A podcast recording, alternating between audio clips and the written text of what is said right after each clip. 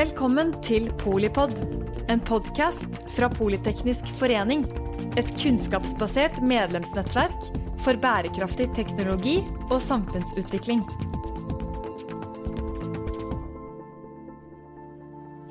Velkommen til eh, Polipod og en spennende episode om hva som gjør aluminium bærekraftig. Da har vi med Hans Erik Vatne, som er eh, teknologidirektør i Hydro.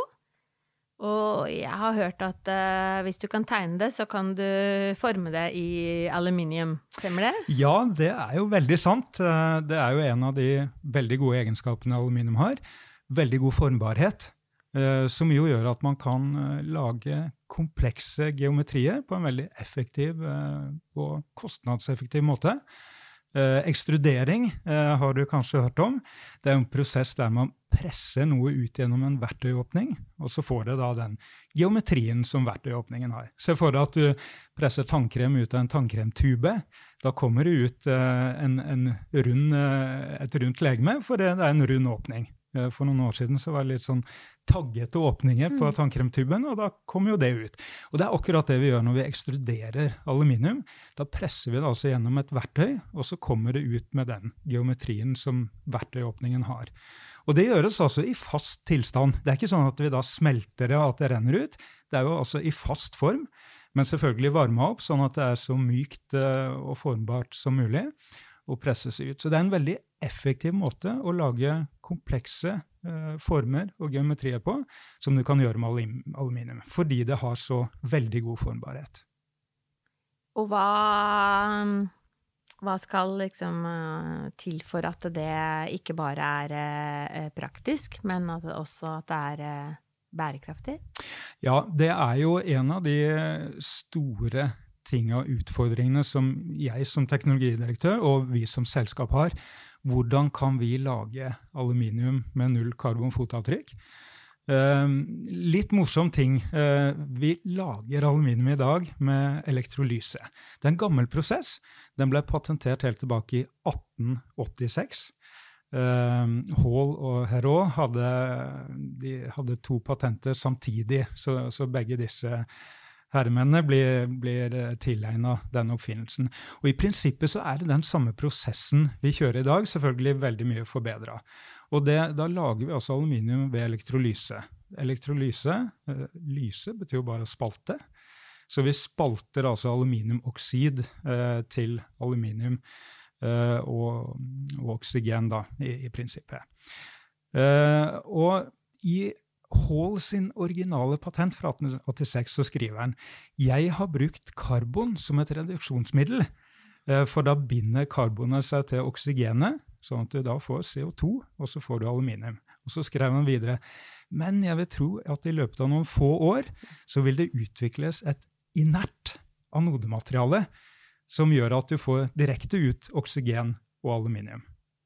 Dette sa han altså i 1886 i løpet av noen få år. Kar. En fremsynt kar. Men det har altså da gått over 130 år mm. uten at vi som industri har klart å framstille eh, et anodemateriale som faktisk er inert. Og, og Hovedgrunnen til det er at vi bruker kryolitt når vi løser opp aluminiumoksiden i elektrolysecellene. Kryolitt er ekstremt korrosivt. Eh, du kan slippe oppi en murstein, en uh, stålplate. Det bare vil etses, løses opp.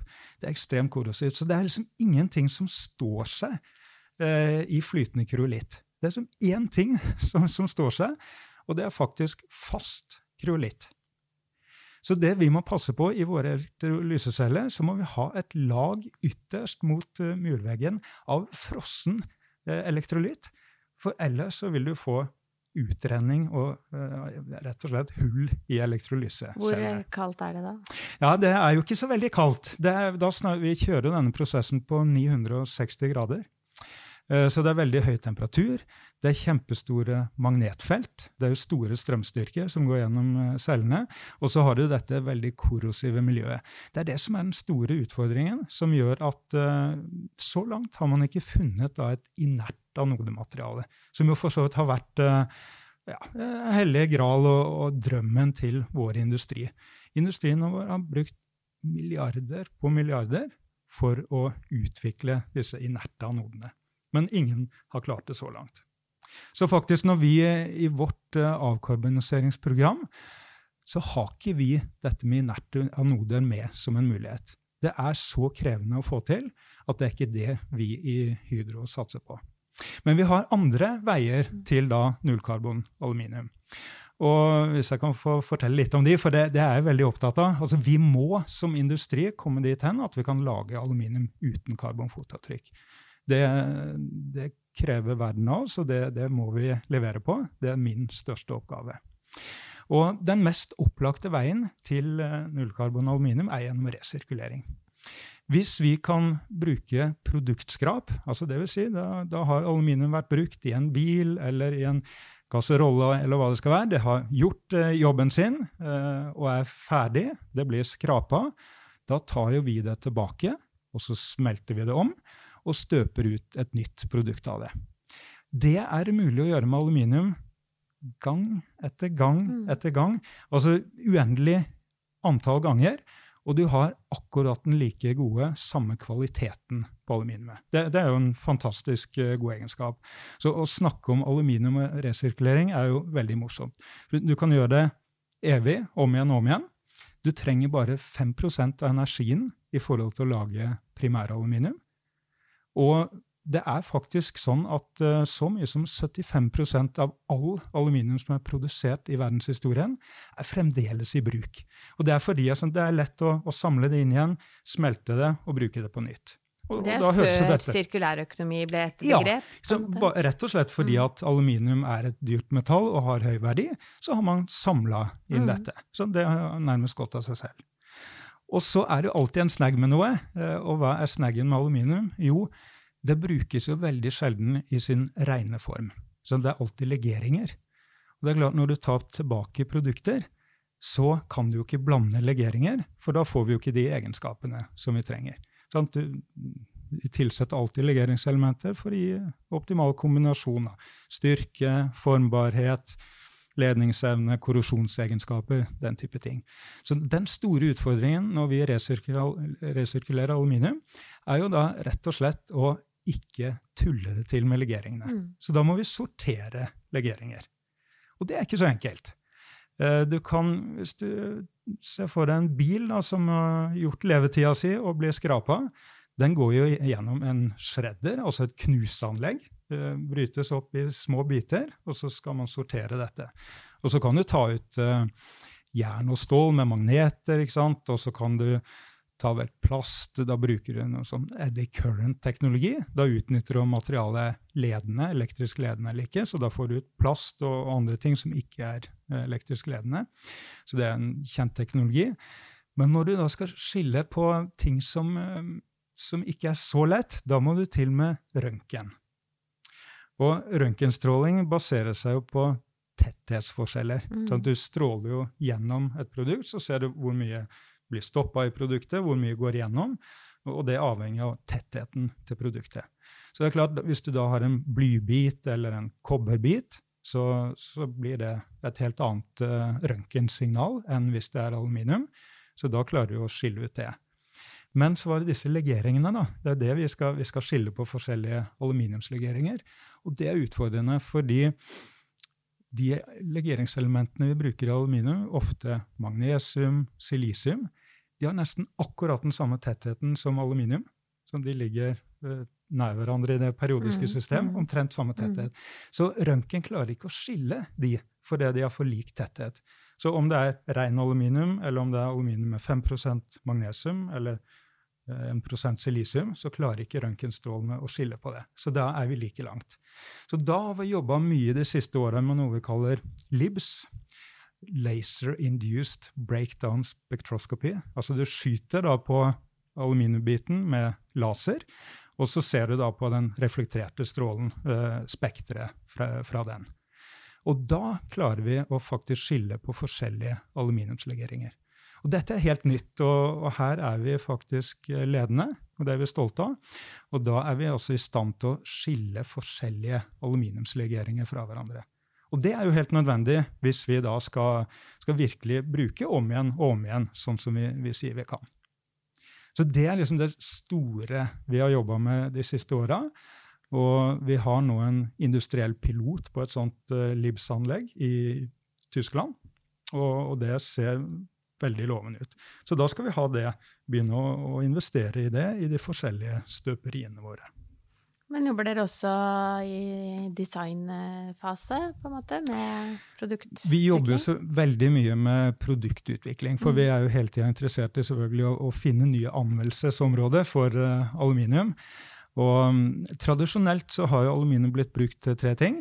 Det er innenfor transport, det er innenfor bygg, og så er det innenfor emballasje.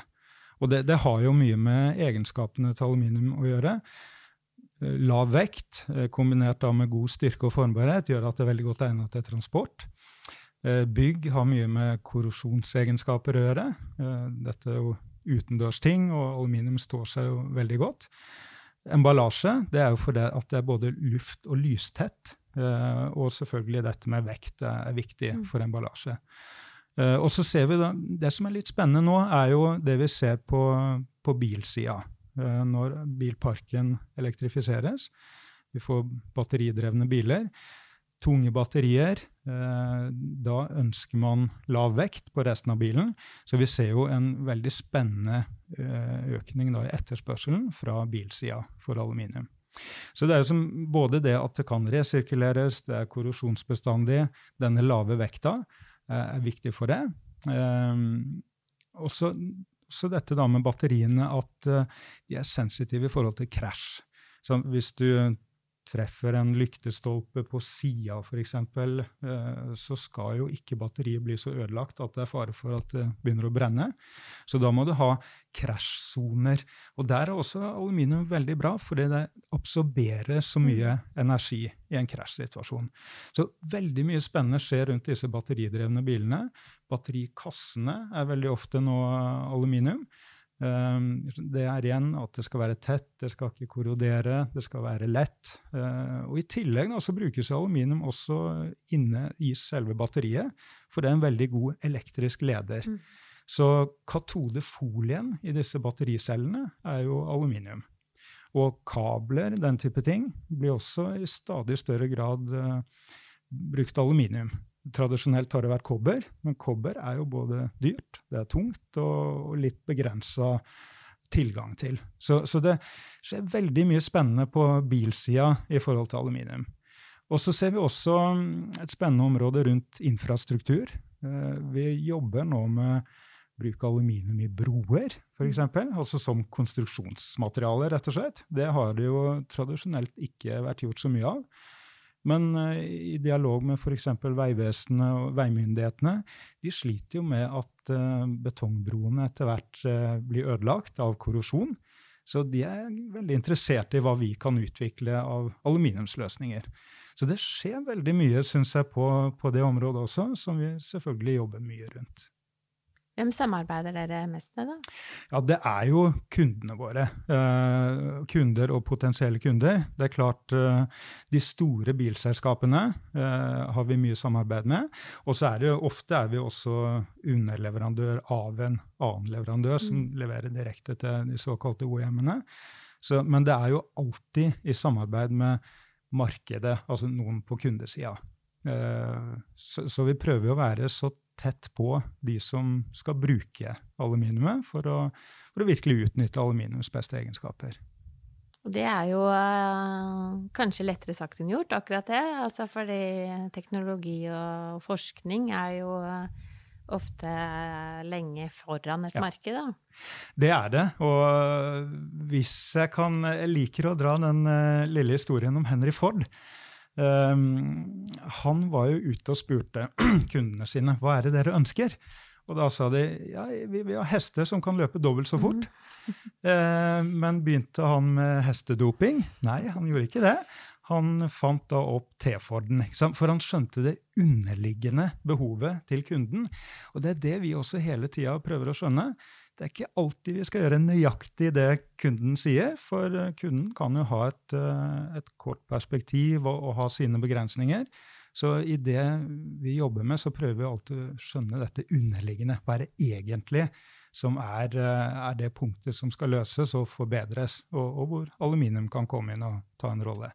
Og så er det jo ikke alltid vi skal bruke aluminium heller. Det er, det er viktig å bruke det der det er fornuftig, og der det er bedre enn andre materialer.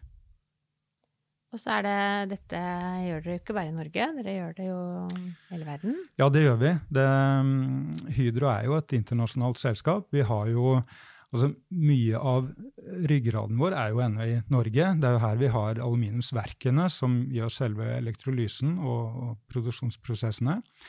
Eh, men så har vi jo en veldig stor nedstrømsvirksomhet i utlandet. Eh, ekstruderingsverkene våre, som jo lager profiler i alle mulige fasonger. Der er vi kjempestore i USA og i hele Europa.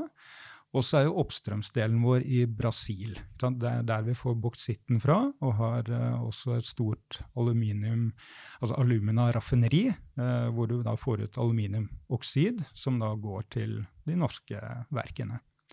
Og forskningssystemet vårt er jo også internasjonalt. Vi er veldig opptatt i Hydro av at vi skal ha forskningssentre nær fabrikkanleggene våre. Det har noe med å, å være relevant og, å være tett på det som, som, er eh, realiteten og virkeligheten, og ikke bli teoretiske og for laborientert. Så det betyr at vi har jo eh, forskningssentre på, på verkene våre både på Sunndalsøra og Årdal. Men, eh, mens da for ekstuderingssida så er det i Finspång i, i Sverige. Og Bauxit Alumina er det jo i, um, i Brasil, i, i Barcarena, der, der vi har alumina-raffineriet vårt. Så klart vi er veldig internasjonale. Vi må jo følge kundene våre der de er, være tett på markedet. Og så må vi være som forskere nær der produksjonen foregår. Eller de som jobber med produktutvikling, nær markedet, for å, for å skjønne mest mulig av det. Vi har jo et uh, nytt og voksende studentnettverk her i Politeknisk forening, da. Det, det høres jo veldig gøy ut å kunne si, jobbe med problemløsning uh, der det skjer, men, uh, og, men allikevel være i, i forskningsfront. Mm. Ja, og, og der, det, jeg, jo, jeg er så heldig at jeg har mye med studenter å gjøre, jeg også. Vi har et veldig tett samarbeid med spesielt eh, NTNU, så jeg er jo mye der. Det som er gøy når jeg snakker med studenter, er at de er så veldig opptatt av dette med bærekraft, og at det skal ha mening, det de gjør. Og når vi forteller da, denne historien om hvordan vi jobber med resirkulering, men også avkarbonisering da, av eh, primærproduksjonen vår, som jeg ikke har fått fortalt så mye om, men som jeg veldig gjerne vil mm. fortelle litt om, så, så blir studentene veldig interessert. De, dette liker de å høre, og mange tenker oi, ja, et sånt selskap ønsker jeg å jobbe for. Eh, fordi aluminium er jo viktig. Eh, tenk bare på dette å redusere vekta på en bil, hva det fører til av reduserte utslipp. og og mer eh, effektiv produksjon. Uh, bruker vi det til emballasje, at, uh, at, varene kan vare lenger fordi det er lys og luft, den type ting. Så vi hjelper jo kunder og forbrukere til å forbedre deres energi- og karbonfotavtrykk. Men da har vi altså denne utfordringen med primærmetallet vårt. Mm. For der, så, som jeg sa, vi bruker karbon som reduksjonsmiddel. Det reagerer med oksygenet i aluminaen, eller aluminiumoksiden, og så får du CO2. Så, og Der jobber vi med to parallelle løp for å, for å kvitte oss med det. Det ene er klassisk eh, karbonfangst og -lagring. Eh, det som er utfordrende med aluminiumproduksjon, er at det er en veldig lav konsentrasjon av CO2 i avgassene mm. våre. Det er bare mindre enn 1 og all fangstteknologi, altså amin er jo mange som kjenner til. Amin har jo den evnen til å til å binde CO2 i, i væsketilstand. Men det passer ikke veldig godt for den type lave konsentrasjoner. Det kan passe godt for et, et jernverk eller en sementfabrikk hvor du har mm. veldig høy konsentrasjon av CO2. Skal du bruke dette på aluminium, så må du bygge kjempestore anlegg, og det blir veldig dyrt. Så, og aktørene innenfor CCS de fokuserer enten på disse høye konsentrasjonene og sånne aminløsninger, eller så ser de på luftfangst, mm. som jo er enda lavere igjen. Ehm, så, så, vi er litt sånn uh, stuck in the middle. Det er ingen som har vært så veldig interessert i å se på vår type utslipp. Så, så vi hadde en svær prosess og, og skanna alle selskaper som jobber med dette, alle mulige teknologier. Uh, og så fant vi da et uh, amerikansk oppstartsselskap uh, som vi faktisk da investert i. og som vi mener har en teknologi som egner seg godt til vår type avgasser, de konsentrasjonene vi har. De er i utgangspunktet et luftfangstselskap, men mm. deres teknologi kan også passe til våre utslipp. Så de jobber vi veldig tett sammen med, og, og håper at CCS kan bli én av veiene til avkarbonisering. Og, og, det vi ønsker å bruke det på, er jo de eksisterende verkene våre. Mm. For det er veldig greit å, å putte på et fangstsystem og så bevarer du verdien av disse verkene, som jo er kjempeflotte. Det er gode operatører, det er vel investerte verk, de drives veldig godt. Så det er viktig for oss å bevare verdien på de. Skal du inn med helt ny teknologi, så er det både kjempedyrt, mm. og du må i praksis bygge nye fabrikker. Så, og, så vi er veldig opptatt av da, å, å holde på, uh, på framtida også til de eksisterende verka vi har. Men når vi skal bygge ny kapasitet Det er noe sirkulært i det òg, da. Ja visst er det det, og det er mm. veldig viktig. Det er så mye kultur og kompetanse som mm. ligger her, så det må vi, må vi passe på. Eh, men vi skal jo bygge nyverk også, og da jobber vi med en helt ny type teknologi som vi kaller da halv zero. Sånn halv hydroaluminium ja. og zero. det, var et ganske opplagt mm, navn. Mm, mm. Uh, og det er en, en, spennende prosess som vi har jobba med en stund. Uh, og hele ideen der Da tar vi aluminiumoksid, og så karboklorinerer vi det. Vi reagerer det med karbonmonoksid og mm -hmm. klorgass. Og av, ut av det så får du aluminiumklorid, og så får du fremdeles CO2. Så, så jeg skal forklare det. Men den uh, aluminiumkloriden kjører vi da vanlig elektrolyse på. Da får du ut aluminium, og så får du klorgass. Og så blir da klorgassen ført tilbake til starten av prosessen igjen, i karboklorineringen. Eh, den CO2-en som går ut, da er tanken vår at den skal vi med elektrolyse spalte da til CO og oksygen. Så karbonmonoksid og oksygen. Det betyr at karbonmonoksiden også kan føres tilbake til starten av prosessen, til den karboklorineringen. Så da har vi en prosess hvor både klor og karbon går i lukka mm. Og det eneste som kommer ut, er da noe oksygen, eh, sånn som du ville også fått ved å bruke inerte anoder. Og så får du aluminium. Så det er den store tanken om, om, den nye prosessen hos oss, og dette jobber vi nå tett med å, å utvikle. Det er masse teknologiutvikling som skal til for det. Vi må gjennom flere pilotsteg før vi tør å investere i dette. Men vi har vært tydelige på at uh, Men er dere ute av uh, lab? Det, ja, det er det steget vi nå skal ta. Mm. Så langt har det vært på lab, og, og det har vært veldig positivt. Vi, vi har sett at faktisk denne uh, karboklorineringa går fortere enn det, nesten enn det vi håpte på, så den virker veldig bra. Uh, elektrolyse av aluminiumklorid det vet vi fra før. Det har andre gjort, så, så det er vi ganske trygge på. Og så er det da denne spaltingen av CO2 til CO og oksygen, som er en litt ny prosess, men uh, det er mange som jobber med det. Mm. Fordi CO-gass er jo noe som, som mange industrier bruker. Så, så, vi er relativt trygge på det. Nå um, håper jeg at i løpet av 2023 så kommer vi til å bygge den første piloten av dette. Vi har sendt en søknad til Enova for støtte til det, så, så hvis den blir positivt mottatt, så, så, håper jeg virkelig at vi kan ta en, uh, en beslutning på det. For selv dette første pilotsteget vil koste hundrevis av millioner. Så, så det er sånn store uh, både kostnader og, og, innsats vi legger ned. Så, men dette ser vi, det må vi gjøre. Og så er dette bare første pilottrinn. Så må vi oppskalere, ta ut andre risikoelementer, vise at vi tør å satse på dette og tro på det. Og så er målet at i 2030 skal dette være på industri, industriell skala. Så da må vi ha et pilotanlegg som vi kan kalle industrielt om en ja, bankable teknologi. Så det er det store målet, både innenfor CCS og for denne HALS-zero-prosessen. Og Da vil vi ha to måter å lage primæraluminium på. HALS-zero for ny kapasitet, og CCS for de eksisterende fabrikkene våre. Så det sammen med resirkulert materiale, det gjør jo at vi, vi, føler vi er i en veldig god posisjon for å levere nullkarbon aluminium i, i framtida.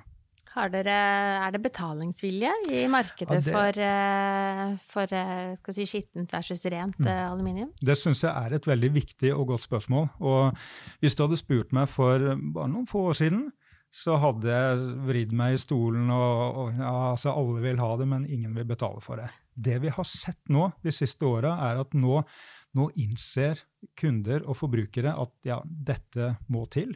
Nå er det faktisk en, en økende villighet til å betale for det. Uh, og, men det er jo veldig mye avhengig av oss da, som forbrukere. Mm. Så hvis vi uh, er tydelige på at det er vi villige til å betale litt for, Ofte er jo ikke materialkostnaden en så stor del av et eh, produkt, så, så om vi må betale noe mer, så tror jeg mange av oss er villige til å gjøre det. Men da må vi også virkelig vite at ja, dette er så uh, lavkarbon aluminium som det er mulig å produsere. Uh, allerede nå så, så, er jo vår aluminium veldig, veldig mye lavere enn verdensgjennomsnittet. Og det er jo fordi at uh, vi har vannkraft og mm. vindkraft i Norge. Veldig mye aluminium produseres jo i Asia med kullkraft.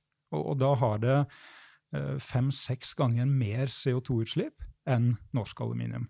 Det, er klart, det at vi produserer en drøy million tonn eh, aluminium i, i, Hydro i Norge, det er veldig viktig for verden. For hadde det blitt gjort i, i andre land, så hadde det blitt veldig mye mer CO2-utslipp. Det er også et viktig budskap å, å få fram. og det, det, samme gjelder mye av norsk prosessindustri, mm. ikke bare aluminium. Og vi er jo i sånn sett eh, et veiskille, kanskje, da, i, i forhold til norsk prosessindustri og, og det grønne skiftet, og hva, om vi ikke skal leve av eh, etter noe, så i parallell og i lang tid. Mm. Og jeg var jo så heldig å få være med på denne Prosess 21, som har da vært eh, norsk prosessindustri strategiprosess, eh, bestilt av, av regjeringen. Eh, og der var vi jo tydelige på at altså, Norge har en, en, kjempemulighet gjennom den fornybare kraften. Og så må vi jo da være sikre på at vi får nok av dette framover også. Nå, nå går jo vi har ikke så mye kraftoverskudd, og det er vel prognoser som sier det at det er ikke mange år til at vi faktisk vil ha et underskudd. Hvis vi havner i en sånn situasjon, så er det veldig negativt for, eh, for norsk industri. Det er en, en kjempefordel, det, dette å ha fornybar energi. Men vi må enda lenger. Vi må jo også få ned de direkte eh, CO2-utslippene som kommer fra selve prosessen, sånn som vi har. Og karbon er jo et fantastisk reduksjonsmiddel, og, og nesten alle metaller er jo bundet til oksygen i sin mm. naturlige form. Så, så dette å bli kvitt eh, karbonet eh, Vi var veldig tydelige også i Prosess 21 om at CCS nok trengs for eh, mange industrier, ikke bare aluminium. Og så trenger vi faktisk ny teknologiutvikling. Og det er krevende. Det koster mye. Vi er avhengig av eh, partnerskap både med kunder, med myndigheter, skal vi ta dette løftet, og av oss som forbrukere, at vi faktisk er villige til å betale noe mer for den uh, lavkarbon mm. aluminium eller andre metaller. Nå er vel både EU og USA eh, fått litt eh, blod på tann? Eh. Ja, heldigvis. Og jeg syns det spesielt er viktig at USA kommer på banen. Uh, også Amerikanerne er jo veldig kommersielle, så de gir jo støtte veldig direkte til implementering. Mm. Altså til rett og slett å bygge fabrikker. Mens EU har jo fått noe kritikk for at det er veldig mye på forskningssida, altså, og gjerne som grunnforskning. Der er det rause midler. Men jo lenger man kommer industrialisering og dette å virkelig bygge kapasitet, så blir EU forsiktig. Eh, det har jo med konkurranserett å gjøre. Men når USA kan gjøre det, så skulle man jo tro at også Europa kunne gjøre det. Så jeg håper jo at uh, også EU ser at uh, ja, kanskje må vi også av og til støtte altså både pilotering og ikke minst disse first of a kind-fabrikkene, mm, mm. som veldig ofte er dyre. Og, og, der trenger vi som store selskaper også støtte, fordi det er så enorme investeringsbeløp.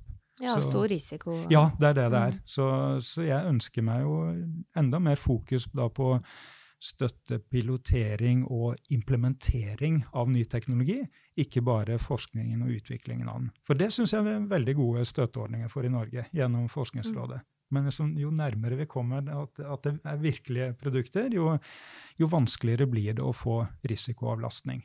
Så, så, så er det jo hele den eh, verdikjeden, egentlig, da, fra som er viktig, og at ikke det stopper opp. Ja. Eh, ikke begynner for seint, men heller ikke slutter for tidlig. Ja, den er veldig viktig. Mm. Og det, det, er vi opptatt av, og jeg er opptatt av i min, min jobb, og jeg sier det i mange sammenhenger, jeg syns i tidlig fase lave TRL-nivåer, technology readiness level, så, så, er vi veldig konkurransedyktige i Norge gjennom de ordningene vi har. Men jo nærmere vi kommer at det virkelig skal brukes, jo, jo dårligere blir det. Så der, der har jeg noen ønsker.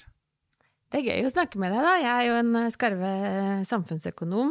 Eh, så der jeg noterer og, ja. og lærer. Ja, det, er, det, er, artig. Hva tenker du om du, du ga oss en liten teaser på en pilot og, og, og, hva du tenker deg for i år, men mm. vi er på starten av 2023. Hva skjer? Ja, det jeg håper å se i 2023, det er jo virkelig at vi, vi beslutter å bygge denne piloten vår på, mm, på Hall Zero. Eh, og så må jeg gjenta at det er et, et første pilotsteg. Det betyr ikke at, at vi er ferdigutvikla i det hele tatt. Men det er et viktig steg videre for å finne ut er, er dette mulig. Så, så, den ønsker jeg meg. Så, mm, så, ønsker jeg meg også noen nyhet, gode nyheter på fornybar kraft. Jeg er litt bekymra for at uh, Norge som industrinasjon ikke vil ha nok uh, fornybar kraft uh, til et fornuftig prisnivå om noen få år. Så, så, det er viktig at vi forserer det, det som både vind på, på, land og til havs, og, og, og, får mest mulig ut av det. Eh, så har jeg også noen ønsker på produktsida. Vi jobber jo mye mot bil, og, og bruke aluminium i bil. Men også å få se, få byggebeslutning på en bro i aluminium. Det hadde vært moro å se i 2023. Uh, ehm, ja, og så, så, er det veldig viktig generelt at vi, vi, lykkes med det vi gjør på avkarbonisering. Det, der uh, føler jeg press i min jobb, og det skal jeg, for dette må vi lykkes med. Så at vi både har framgang på CCS og på, på Som er karbonfangst og karbonfangst lagring. Og lagring. Mm. Eh, at vi også klarer å fange fra aluminiumsavgassene våre eh, på en effektiv måte, som ikke blir altfor dyr. Det er, er, veldig viktig, og at vi, vi klarer disse stegene på, på Hold Zero, da, som er vår egen prosess for å produsere aluminium uten karbonfotavtrykk. Så Det er vel de områdene jeg, jeg virkelig håper å se at vi, vi lykkes på med, med våre gode forskere. Vil jo si det er en uh, tall order for en, uh, en uh, kar og et selskap på ett år. Men det er ikke uten grunn at Hydro er Norges største industriselskap. Da. Norges største selskap, Fastlands-Norge. Og det må jo sies at eh, Hydro ble jo faktisk eh, etablert eh, her vi sitter nå, i det samme rommet, i 1905. Ja, det er morsomt. Så, ja. så vi skal følge med. Gleder oss til Kanskje vi kan få noen presentasjoner av, av framdrift. Mm. Også for, for de som har lyst til å se og ta på ting. Mm. Ja, vi er, vi er, stolte av arven vår, og, og vi, vi, er offensive, for det, det, må vi. Det krever både kunder og forbrukere etter hvert. Så det, det, det er, eh, ja, det er en utfordring, men, eh, men, den må vi ta, og den har vi tro på at vi lykkes med. Ja, det smitter eh, til meg, så tusen takk. Eh, Hans Erik Vatne, teknologidirektør i eh, Norsk Hydro. Selv takk. Og takk til deg som hører på Polipod eh, når og eh, hvor du vil. Jeg er eh, Mette Vågnes Eriksen. Jeg er generalsekretær her og sier på gjenhør. Takk for at du lyttet til Polipod fra Politeknisk forening. Få med deg flere episoder, eller bli med på nettverksmøtene som du finner på at polyteknisk.